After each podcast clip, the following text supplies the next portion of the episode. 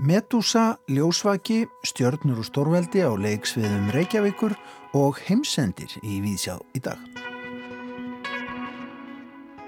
Já, í þættinum í dag þá ætlum við meðal annars að koma við í þjóðarbókluðunni og skoða síningu sem opnuð var þar á fymtudag en þar má nú skoða útgáfur listahópsins Medúsu sem eh, nú er orðin hluti af bókverkasafni landsbókasafsins þar að segja útgáfa hópsins. Súræðalesta hópurinn Medúsa stopnaður af nokkrum nefndum í förbröytaskólanum í Breitholti í árslokk árið 1979 Hann var starfandi í sjö ár og gaf á þeim tíma út ljóðabækur, hljóðsnældur, smásögur, postkort, veggspjöld og bæklinga svo nokkuð sé nefnt. Auk þess sem hópurinn stóð fyrir ljóða upplesturum, tónleikum og gjörningum og rakk gallerið Skruggubúð við Suðurgötu í Reykjavík í tvö ár. Allir stjórnmálaflokkarnir hata einstu og eðlilegustu langanir ykkar, undir meðutundin er byltingaraflið algjera, það sanna draumar ykkar, Gangið í svefni á kjördag skilið auðu. Þetta sagðu meðdóksumenn fyrir kostningar árið 1983 svo dæmi sér tekið Ólafur Jóð Engilbertsson. Einn af meðlimum meðdósu og síningarstjóri hann verið tekinn tali í Víðsjá í dag. Björn Þorstensson, prófessor í heimsbyggi, glýmir á miðugudögum í Víðsjá núni í februar. Ég upphafi nýs áratöðar við spurninguna hvað nú? Björn fjallar í pislum sínum um heimsendi eða enda veraldarinnar og spyr hvað eigum að gera á meðan við býðum. Já, góð spurning. Og Björn Þór Viljámsson, bókmyndagagrínjandi, hann reynir í dag í bókina Stjörnur og Stórveldi á leiksviðum Reykjavíkur 1925 til 1965 eftir Jón Viðar Jónsson en Jón hlaut á dögunum íslensku bókmyndaverlunin fyrir þetta verk í flokki fræðirita og bóka almenns efnis. Í bókinni beitir Jón nýstárlegum aðferðum til að varpa ljósi á merkan kabla í íslenskri leiklistar sögu, segir sögu allra helstu leikara tímabilsins greinir frá sigurum þeirra og ósigurum Jafnfram því sem hann gerir valdabaráttunni að tjálta baki. Ítarleg skil meira um það í þættunum í dag. En við byrjum að fara til fundar við myndlistakonurnar Sirru Sigrunu Sigurðardóttur og Selmu Rekviðsdóttur sem eru með síningu upp í Berg Contemporary Galleríi við Klappastík. Við hugum fyrst að Steint. Í henni vitru Wikipedia stendur skrifað á einum stað. Silfurberg er tært abriði af kristöllu kalki, kalsít eða kalkspatt og er mjög fágætt utan Íslands enda gjarnan kent við Ísland á erlendum tungumálum samanber Æslands bar á ennsku. Ekkert silfur er í Silfurbergi en nafnið er dreyið að því að það er silfur tært. Silfurberg klopnar vel í tíkla og klýfur ljósið í tvo geysla sem að sveiplast hornrétt hvora á annan. Þessir eiginleikar greina Silfurberg frá öðrum kalksteindum. Efnasamsetningin er kolsúrt kalk, kalsíumkarbonat, CA2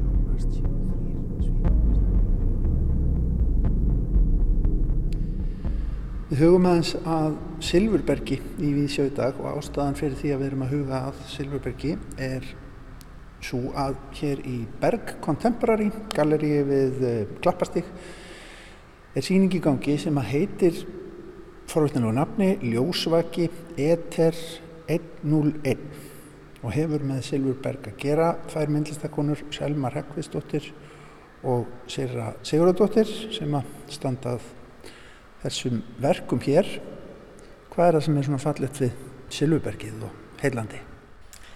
Já, um, um, Silvubergið er bara ótrúlega merkileg náttúru afurð, má maður kalla það það? Mm. Uh, náttúru smíð. Náttúru smíð. Mm. Um, sem sagt ég og Selma erum búin að vinna þessi nokkur ár síðan við hittumst á Eskifjörði fyrir nokkrum árum og svona komast að því að við báðar vorum svona spenntar fyrir Silvberginu og fórum þá að, kynna okkur söguna ennþá frekar og þá verðum við bara dreygin inn í þennan heim og sögur Silvbergsins mm. og það er svo merkilegt hvað það hefur í rauninni haft mikil áhrif þessi, þessi kristall, þessi, þessi tæra steind mm -hmm.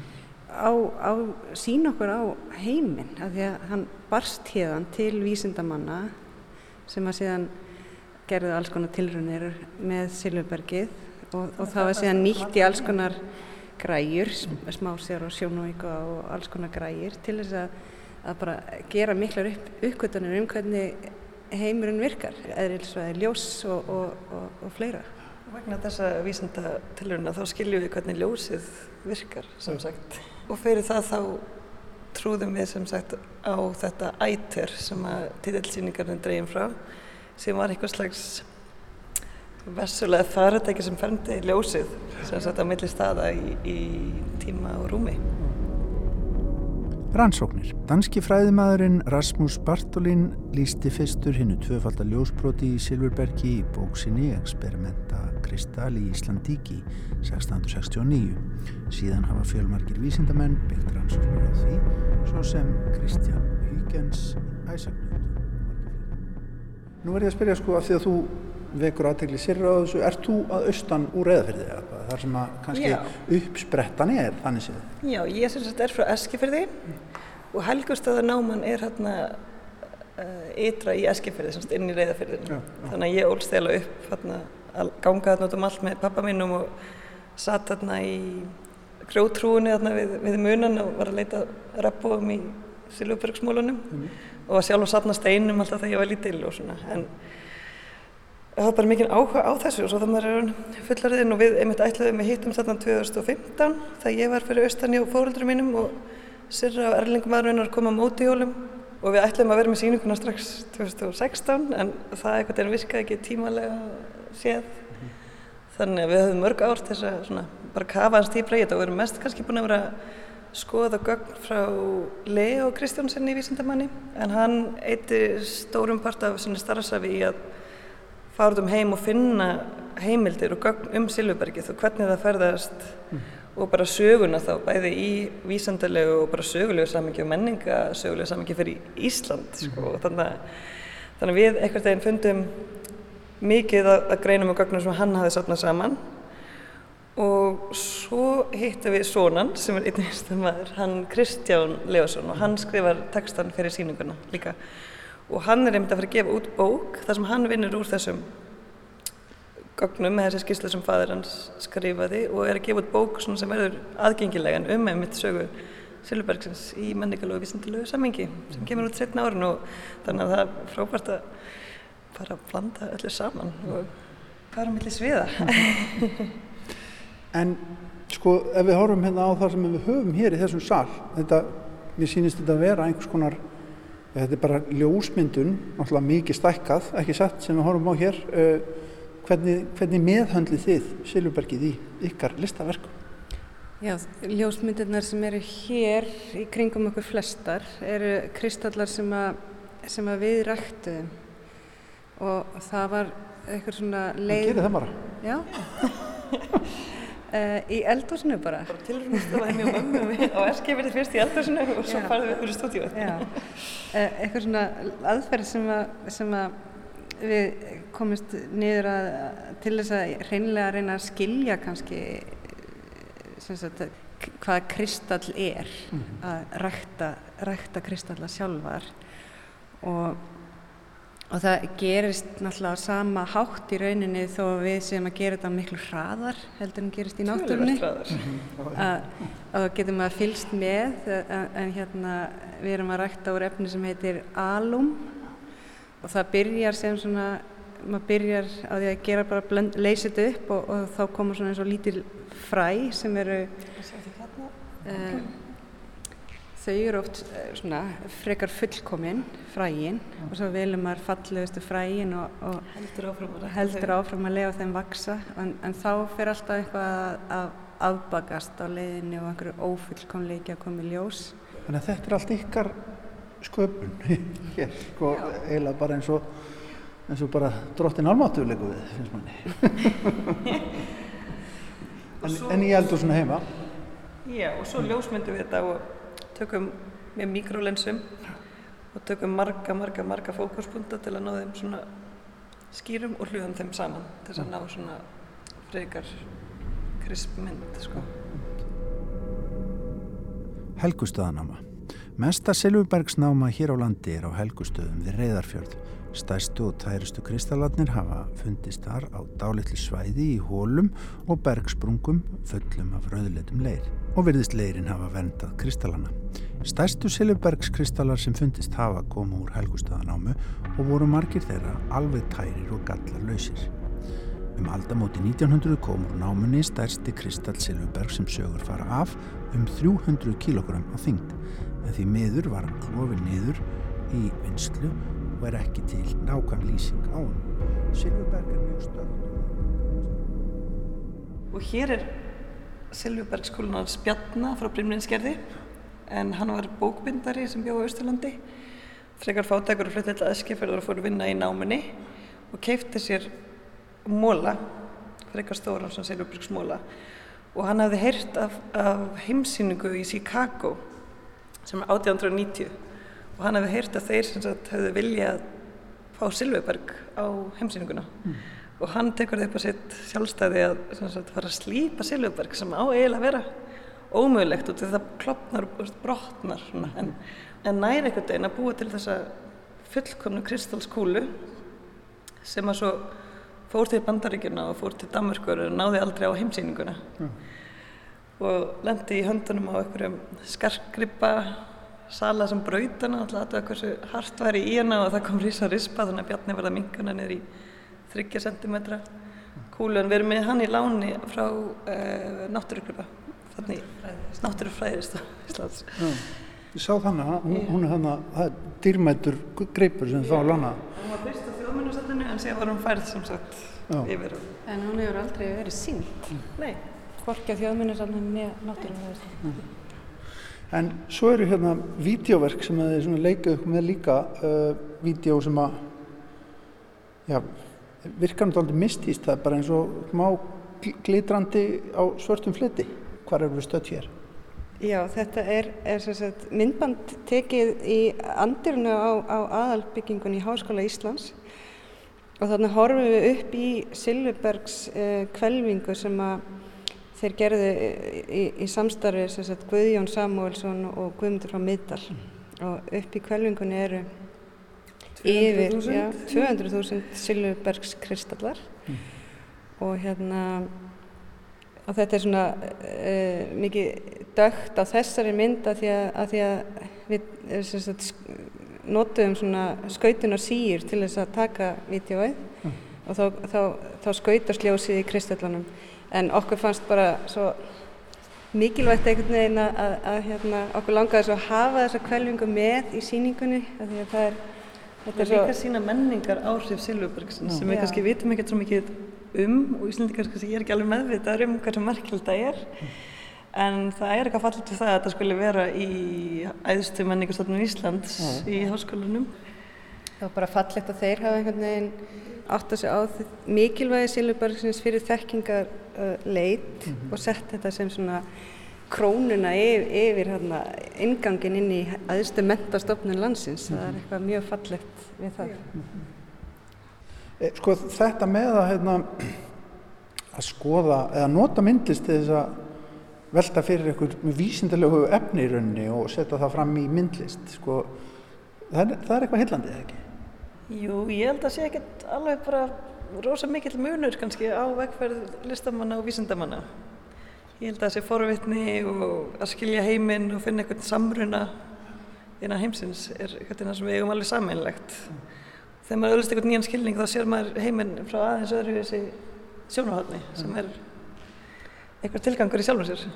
Og það er svipaður hérna, fasi sem er í gangi bæði hjá myndlistamannum og, og hérna, vísindamannum.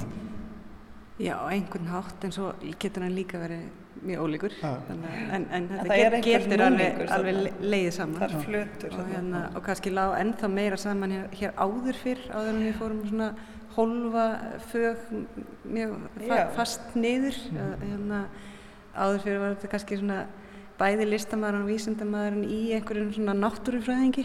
En það er náttúrulega allt tengt einhvern veginn, allir heiminn er tengtur og, og föginn krossast hægri vinstri. Mm -hmm. Maður sér það hér meðal hans ah. Takk fyrir að segja mig frá Ljósvaka Myndlistakonurnar Sirra Sigrún Sigurðardóttir og Selma Rekvistóttir í Berg Contemporary Gallery fyrr í dag. Forvitnileg síning helguð Silfurberginu þar á bæ. Þá höldum við yfir í leikhús og hugum að nýlegri bók Stjörnur og Stórveldi á leiksviðum Reykjavíkur 1925 til 1965 er heiti nýrar bókar eftir Jón Viðar Jónsson en Jón hlaut á dögunum Íslensku bókmyndavellunin fyrir þetta verk í flokkifræðirita og bóka almenns efnis. Björn Þór Viljámsson, hann er búinn að lesa. Jón Viðar Jónsson, leikursfræðingur, hefur um árabil staði í fremstu výlínu rannsókna á íslenskri leiklistarsögu og hlaut fyrir skemstu íslensku bókmentavelunin í flokki fræðirita og rita almennseðlis fyrir sitt nýjasta reitverk Stjörnur og Stórveldi á leiksviðum Reykjavíkur 1925 til 1965. Áður hafa meðal annars komið út eftir hann bækurnar Lindarmál frú Stefaníu um Stefaníu Guðmundsdóttur leikonu sem jáfnframt kemur allmikið sögu í nýjaritinu. Bókin um Stefaníu kom út árið 1997 en árið 2004 sendi Jón Veðar frá sér Kaktusblómið og Nóttina um Jóhann Sigurjónsson. En aug, rit og fræðistarfa veitti Jón Viðar einnig leikminja safni Íslands forstöðu en af formlegri starfsemi þess var látið í fyrra. Nokkuð sem hægt væri að ræða í mun lengra máli en hér verður gert, en eins og kemur fram í formóla hinnar nýjútkomnu bókar, byggist hún að allmiklu leiti á frum rannsóknum sem unnar voru á meðan leikminjasapsins nöyð við. Stjörnur og stórveldi er að sumuleiti dálitið óvenjulegt reitt, engum og sér í lagi ef litið er til fræðilegra að skrifa um leikús, en um leið er það afskaplega íslenskt. Það stillir sér kyrfilega upp innan þeirrar hefðar æfið þáttan, æfisagna og ættarfróðuleiks, sem jafnan hefur notið vinsælda hérlendis og lýsir Jón Viðar því sem svo að hann nálgist leiklistar söguna í gegnum persónum söguna. Það gerir hann með því að fjalla í tímaröðum lífslaup þeirra einstaklinga sem öðrum fremur báru Íslands leikús uppi á tímabilinu sem getið erum í tillinum frá 1925 til 1965. Verkið samanstendur þannig af 11 æfið sem í öllum tilvikum er fyllt úr hlaði með skemmtilega æfintýralegri yfirskrift. Indriði Voga er fóringin sem fjall í glemsku, Alfred Andresson er fornarlamp líðhillinar, Lárus Pálsson tragískur tímamótamaður og Þorstein Steffensen er resin í ríkisútvarpinu. Aðspurður í viðdali lagði Jón Viðar út af rétunarhefð sinni með því að benda á að þótt hefðbundnar að þætti til dæmis að segja sögu stopnana á borði leikúsana sjálfra sé hættan við stopnana sögu svo að listin gleimist. Stopnanir skap ekki list, bendi Jón Viðar á í viðdalinu, heldur listamenn. Verk Jóns Viðars ber einmitt að skilja í samhengi við áherslu hans á list, sköpun og þá engum og sérilegi sem til raun til að varðveita og reysa minnisvarða um listform sem er forgengilegra en flest önnur og lítur í raun allt öðrum lögmálum. List sem sköpuð er á fjölum leikúsa er hverful. Hún gufar upp að síningu lokinni og er hverki til. Þanga til leikhópurinn leggur til allugu við leikin öðru sinni og svo í það þriðja þá fæðist hann að nýju. Allt þar til látið er af síningum og listaverkið sem búið er til í samvinnu fjölda einstaklinga hverfur af sjónarsviðinu. Flitur sig inn á huglegt og afar brygðult svið endurminninga þeirra sem það sáu og þeirra sem að því stóðu.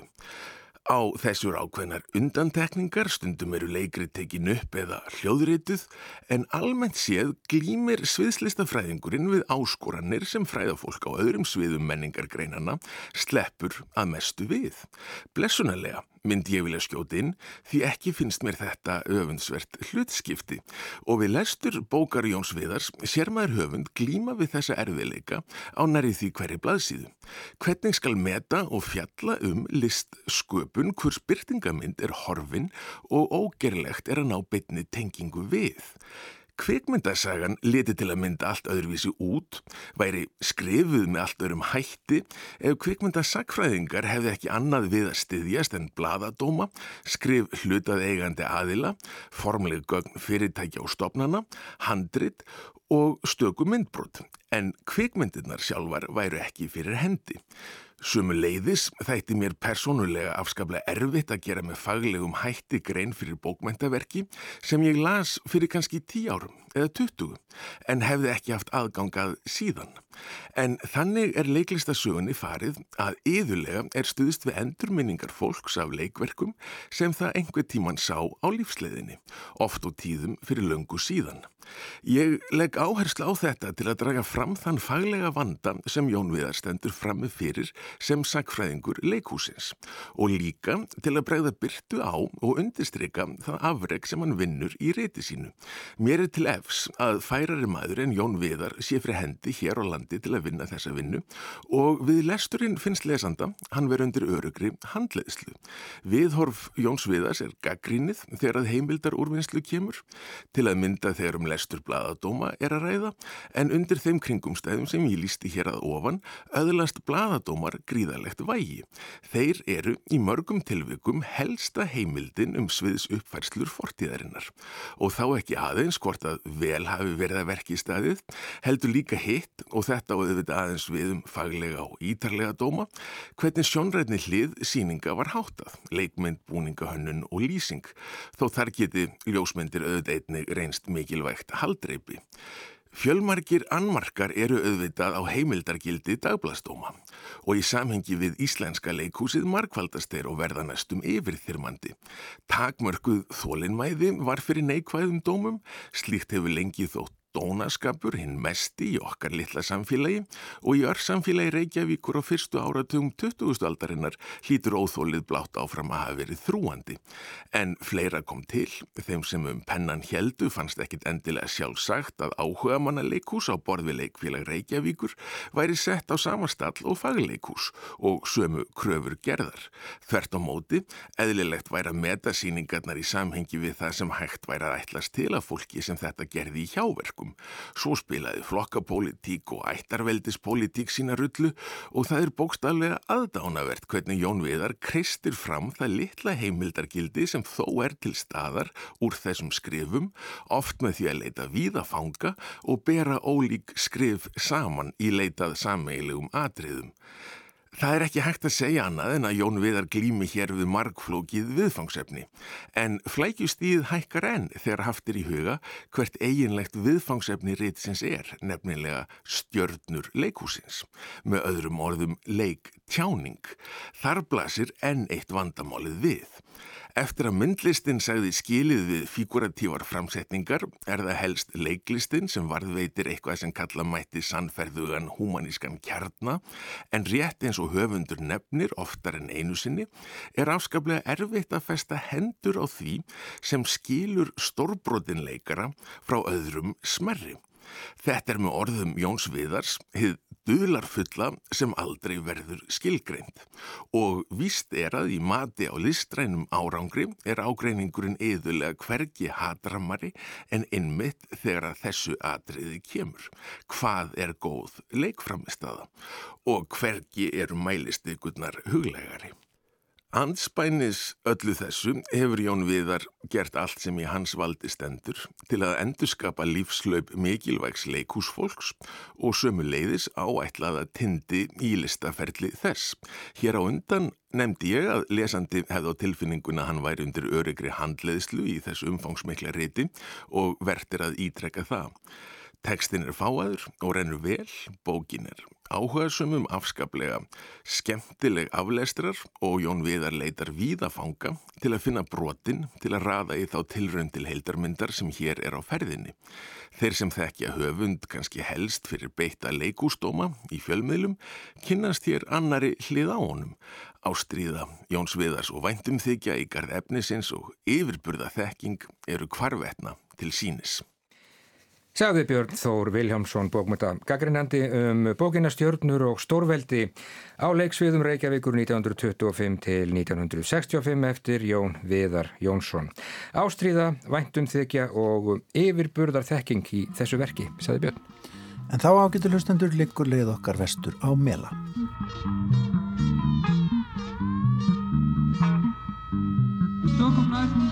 Musik elementär Grunnskóla tónlist Grunnskóla tónlist Best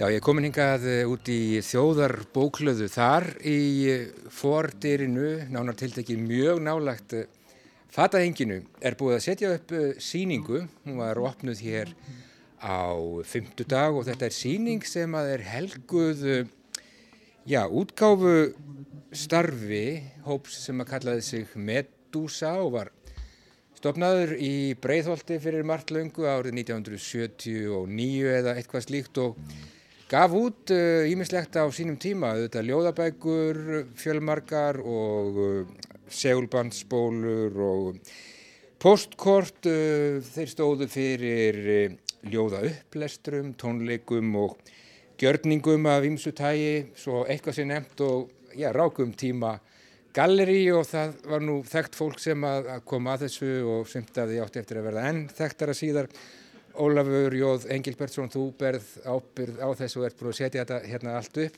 Þetta er allt komið á, á eitt stað, það sem Medusa gerði á svona tíma.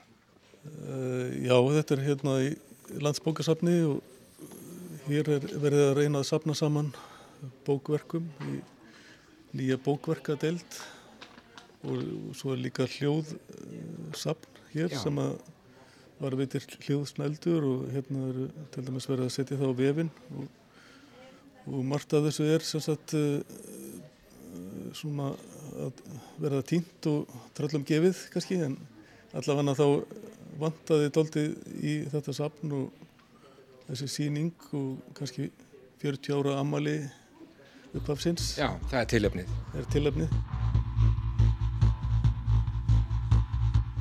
Hafið þið haldið svona í gegnum tíðina hafið þið, uh, hafið þið haldið svona þokkarlega vel utanum þetta?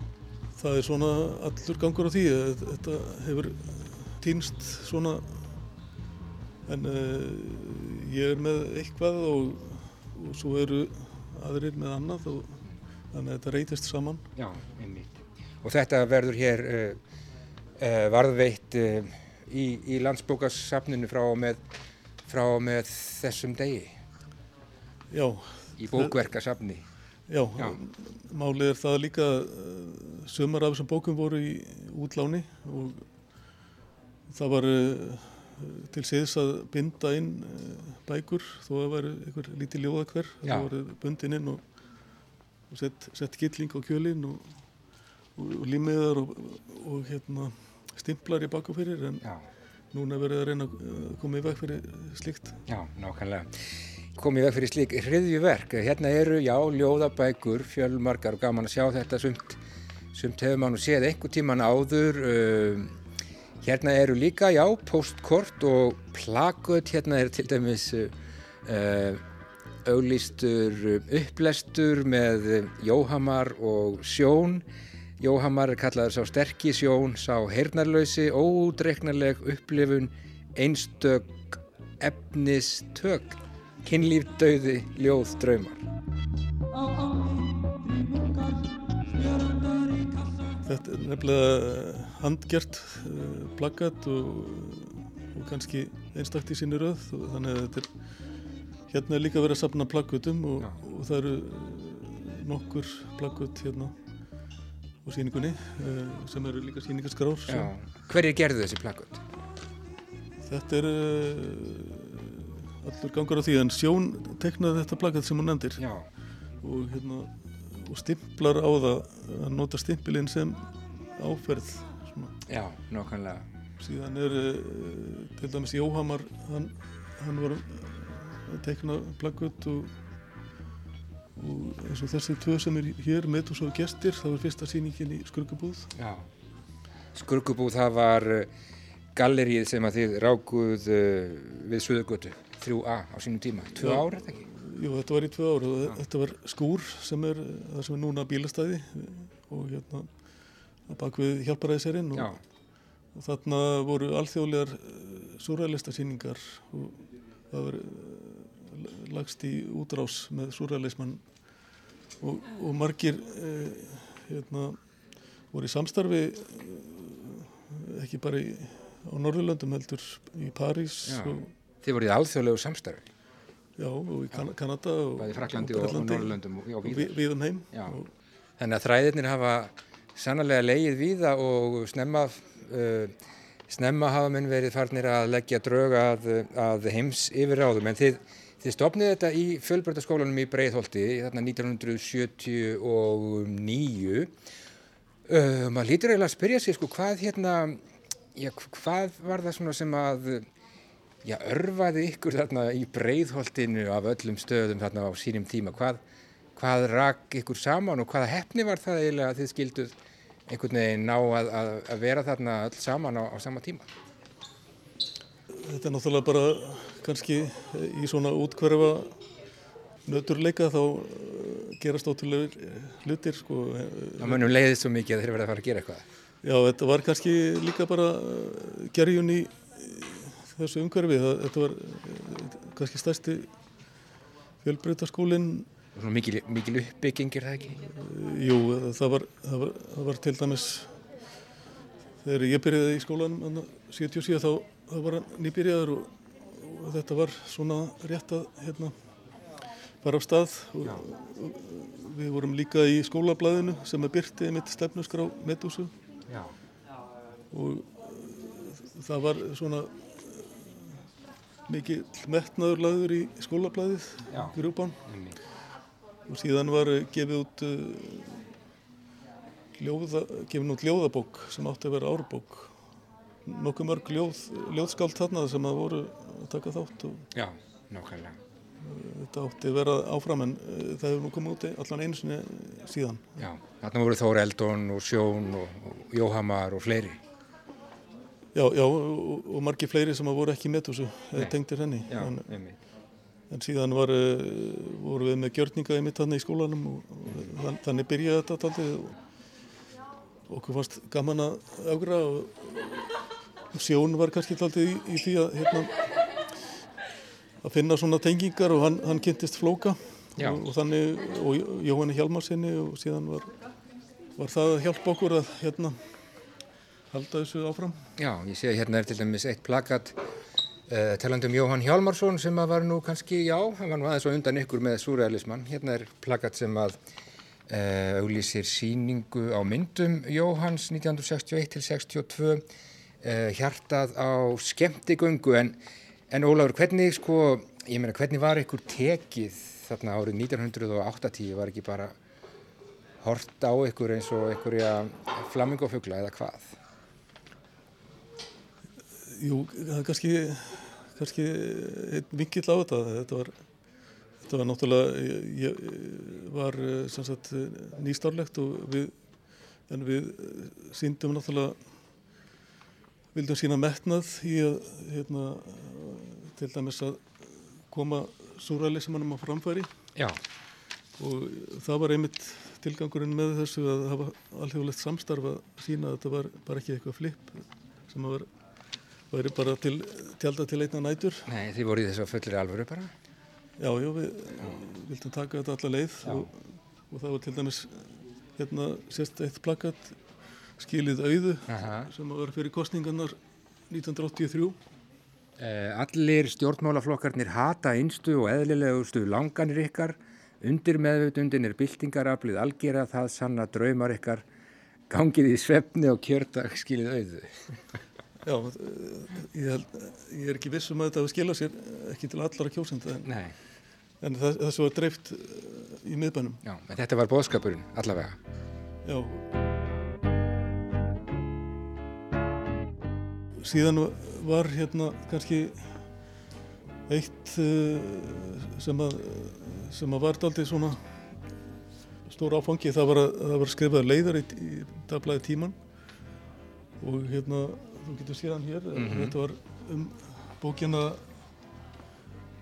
Hvernig elskar maður hendur Já.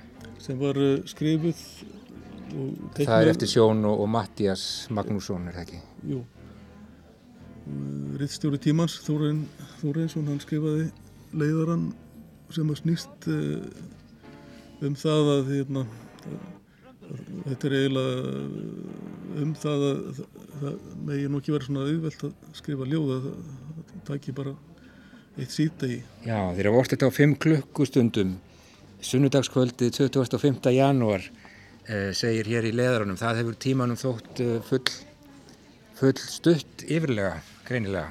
Já, en í leiðinni er þetta eh, svona skota á Jón Hjalmarsson sem skrifaði gaggrinn í morgunblæðið.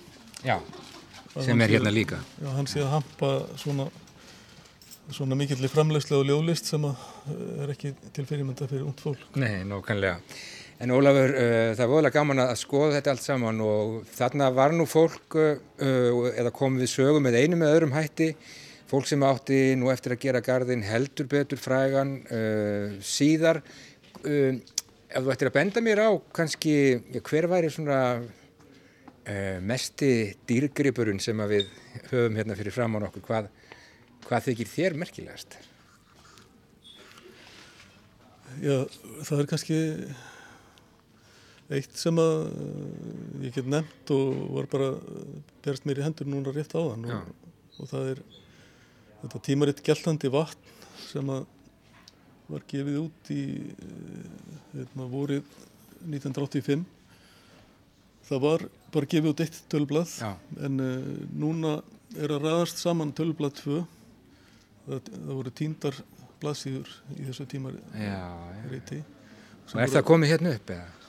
það er, það er svona stefnan er að, er að bara gefa það út núna fyrir 20. februar þegar, þegar að verður uh, viðbyrður hérna Berindi Tjartarsson ætlar að vera með erindi Já, framúrstefnu fræðingur Já, já, já vendulega gefum við þetta út á amelistagi Andri Breitón sem er 18. februar Gjeltandi vatn Mjög fallegt Já, viðbörður hér eh, 20. februar, þessi síning eh, hún opnaði hér í eh, andiri þjóðarbóklöðunar bara núna á 50 dag, 20.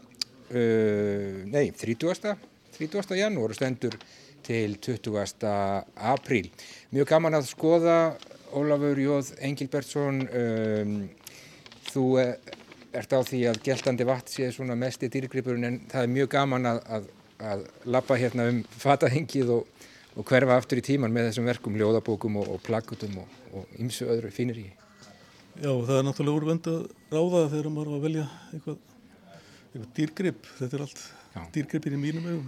Allt verðmætt og tilheyrir nú uh, bókverkasafni þjóðar bóklöðunar, ég segi bara til hamingi með síninguna Ólafur Jóð Engil Bertsson, takk kærlega fyrir spjallið og gangið allt í hæginn, takk. Takk fyrir þess. I'm surrounded by all sorts of instruments, you know. They're red, they're black,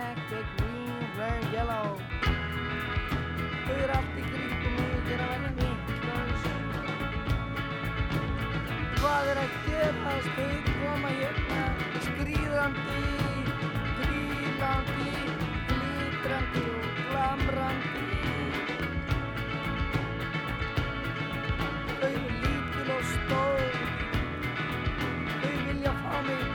þess að nota síðan var ekki nokkur leið. Ég ætla aldrei að nota þau. Ég ætla aldrei að nota þau ég ætla aldrei að nota þau aldrei að nota þau aldrei.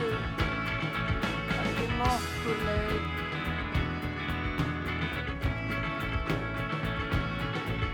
Og þau eru með tökum og alls konar mælum. Þau smá upp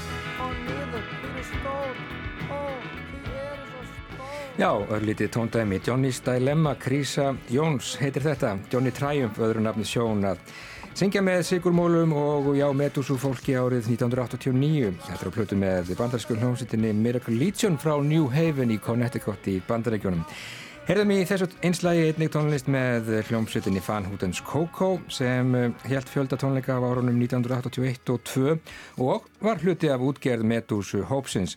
Hljómsveitina skipuðu þeirri Mattias Magnússon, Einar Melags, Þór Eldon og Ólafur Jóð, Ingilbertsson, Tjeður og réttumundurinn Sjón kom þetta líka við sögu en Medúsa ferdu og síningi í þóðarbókluðinni af því tilefni mjög skemmtilegt.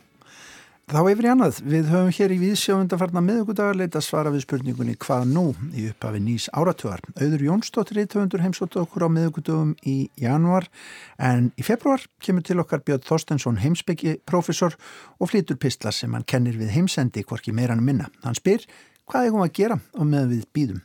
Björn Gjörsvill. Hvað nú, hlustendur góðir? Hér er sestur við hljóðnemann, háskólaprofessor á 60-saldri, hafandi lifað tíman að tvenna þótt ungur sé í anda, að einn mati að minnstakosti enn sem komið er.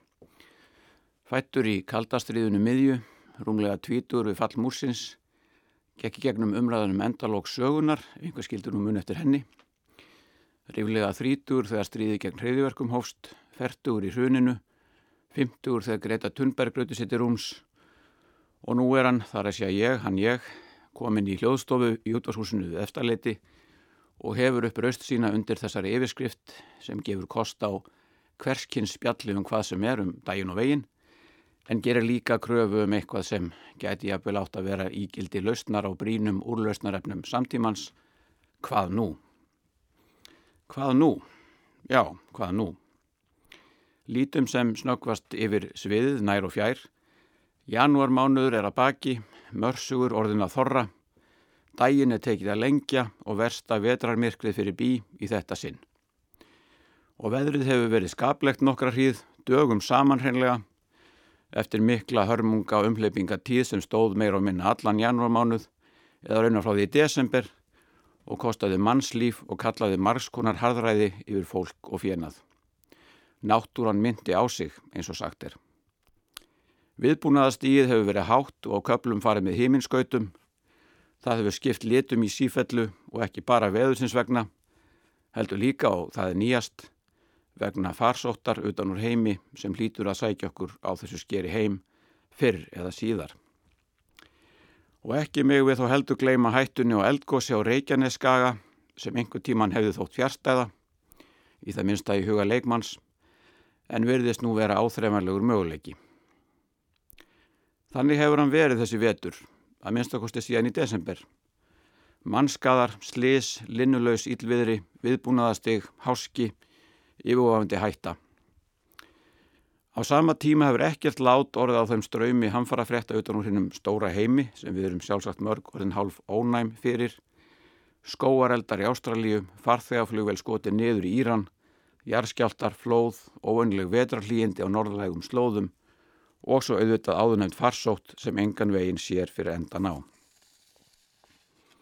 Hvað endar þetta? Hvað er eiginlega í gangi? Hvað næst? Hvað nú?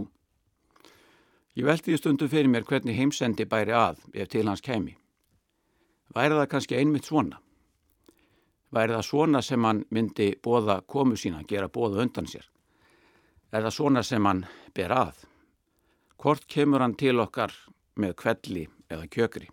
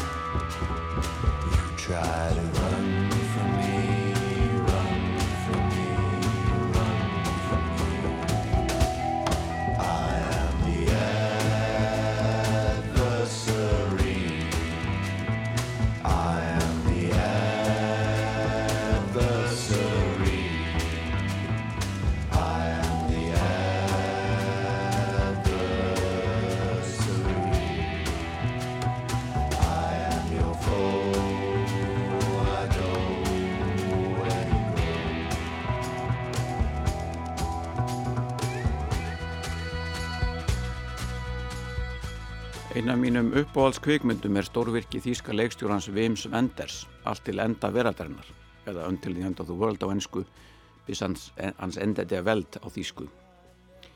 Myndin kom fyrir almenningssjónir í byrjun tíunda áratugurins um það leiti sem hugmyndunum endalók sögunar tók að gegn síra hugmyndaheim Vesturlandabúa og jafnvel jarðarbúa í heilsinni. Henni hefur gjarnan verið líst með slagorðinu The Ultimate Road Movie, hinn eina sanna vegamynd, og víst er að hún fjallar um ferðalag eða er hreinlega öll á ferð og fylgir aðalpersonum sínum þar sem þau flakka heimsortna á milli framan af í heldur óljósum tilgangi. Ferðafrelsið er þannig höfuðatrið myndinni, óheft og takmarkalöst frelsi fólks til að flakka um hvert sem vera skal eins og hugurinn gyrnist. Annað aðalatrið er tæknin, allur sá tækjabúnaður sem við sögu kemur og þóttið frumsýningumindarna 1991 heldur framústefnulegur en átti myndin að gerast í framtíðinni, það er við lok 20. aldarinnar. Þannig tala persónuna saman í myndsýmum, elda hvert annað með hjálp staðsetningatækja og hlusta á tónlist af litlum minnisköpum svo dæmis í tekin. Ferðalagið sem sagt er frá, nær sem sé út um allar trissur, nánatiltekið best leikurinn á milli borga og borð við Feneiar, París, Lissabon, Berlín, Moskvu, Tókjó og San Francisco og af þessari upptalningum má sjálfsagt ráða að myndin er líka bísna laung, raunar svo laung að framleiðendum hennar þótti gjörsamlega ótækt á sínum tíma að sína hana í kvikmyndahúsum í fullri lengt. Þessi stað var gripið til þess ráðs sem margur kvikmyndaleikstjórin hefur mátt beigja sig undir og engjast yfir. Myndin var klift niður í viðræðanlega lengt og frumsýnd þannig en vandin var sá sem kannski hefði mátt sjá fyrir að sagan var næsta samhengislaus og sundurslitin. Myndin vakti einhvað síður nokkra aðtikli og rataði til sinna en þau hinn sömu hafa sjálfsagt mörg hver brugðist glöð við þegar lengri útgáða myndarinnar að skapi leikstjórans sjálfs var sett saman og gefin út á fyrsta áratug þessarar aldar. Áhuga sömum hlustendum er bent á að sneiða hjá stuttugerðinni og leita fyrir eitthvað lengri gerðina uppi en það skal getið að hún er um fjögur og hálf klukkustund á lengd. En um hvað er nú sagan sem sögður í þessari mynd, allt til enda veraldarinnar eftir Wim Wenders? Eða svo spurningin sé umorðuð, hvers vegna heitir myndi það sem hún heitir, hver er sá endir veraldarinnar, sá heimsendir sem það er fjallað um? Og hvers vegna er ég að tala um hana hér?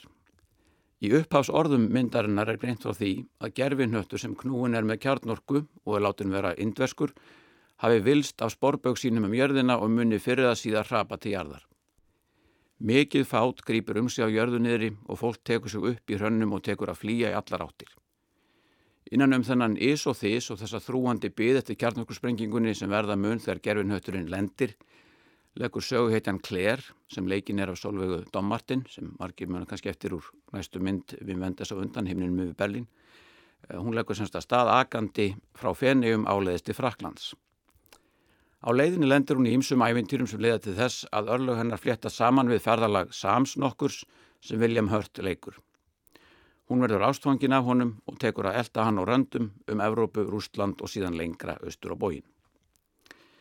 Sögurþráðu myndarinn verður ekki rakinni hér í smáatriðum, öðru leit en því að við skulum grípa niður í frásögnuna þar sem að Claire og Sam eru stödd í lítilli flugvél yfir eigðilendum Ástralju og leið til foreldra Sams sem búa í einhvers konar rannsóknastöð sem þau hafa byggt sér í kletti einum í Eðilandinu.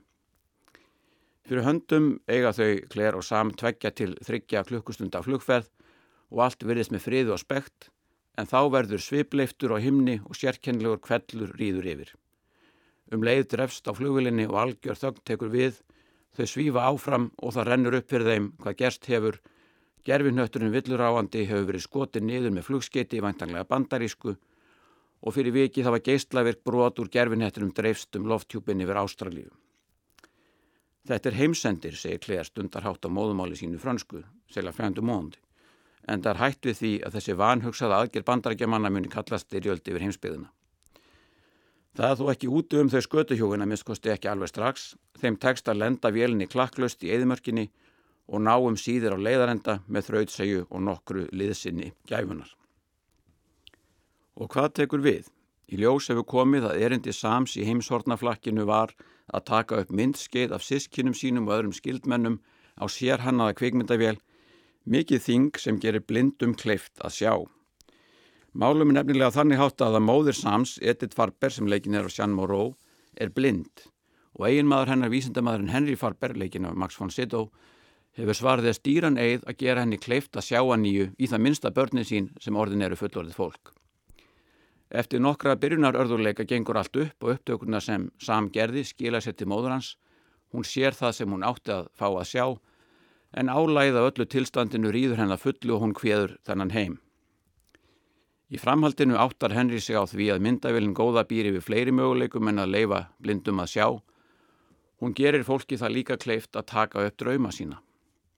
Skemst er frá því að segja að helstu sögupersonu myndarinnar ánætjast þessu nýja undratæki gjörsamlega og svo fer að þau verða allsendis ófær um annað en að liggja afvelta og horfa á drauma sína á skjánum millir þess sem þau sofa og sapna nýjum draumum í tækið.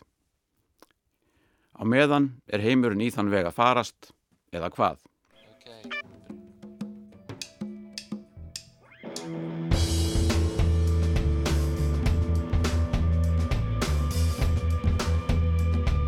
Hvað nú?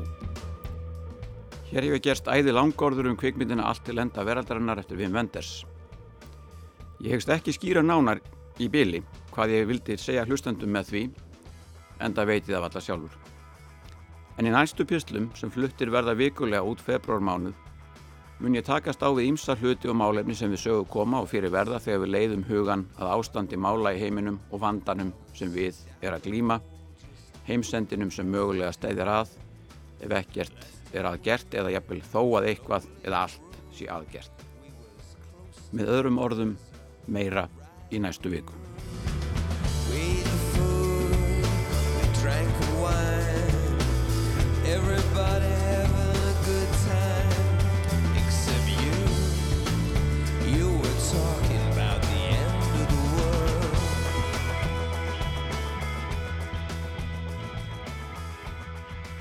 YouTube og Björn Þorstensson, háskólaprofessor á 60s aldri. Heimsendir og hvað eigum við eiginlega að gera á meðan við býðum hvar endar þetta spurði Björn. Lægið hér síðast auðvitað tekið úr myndinni Until the End of the World eftir Wim Wenders frá árinu 1991 titilag þessarar myndar sem er Byrni svo hugleikinn og við heyrum aftur í Byrni hér í Víðsjá að viku liðinni. Það er að segja ef þetta verður þó ekki allt saman liðið undir lokk. Já, hress. En Þættinum er lokið hjá okkur í dag. Við volum að fá spurnir af uh, tilnefningum með ykkur. Já, það var verið að velja tíu framúrskarandi rétt sem að eru tilnefn til hagþengis verðlauna að þessu sinni þetta var tilkynnt í borgarbókasafninu, gróvarhúsi og já, tíu bækur sem að hagþengir uh, félag höfunda fræðiritt á kennslu gagna velur og velur síðan eina bók af þessum tíu. Við bendum hlustundum á að kíkja á Rúf vefin, menningarvef Rúf, rúfmenning.is til að sjá uh, hverjir urðu hlut skarpastir í, í þessu vali. En þessu lókið hafa okkur takk fyrir sæl. Takk fyrir samfélgina, verið sæl.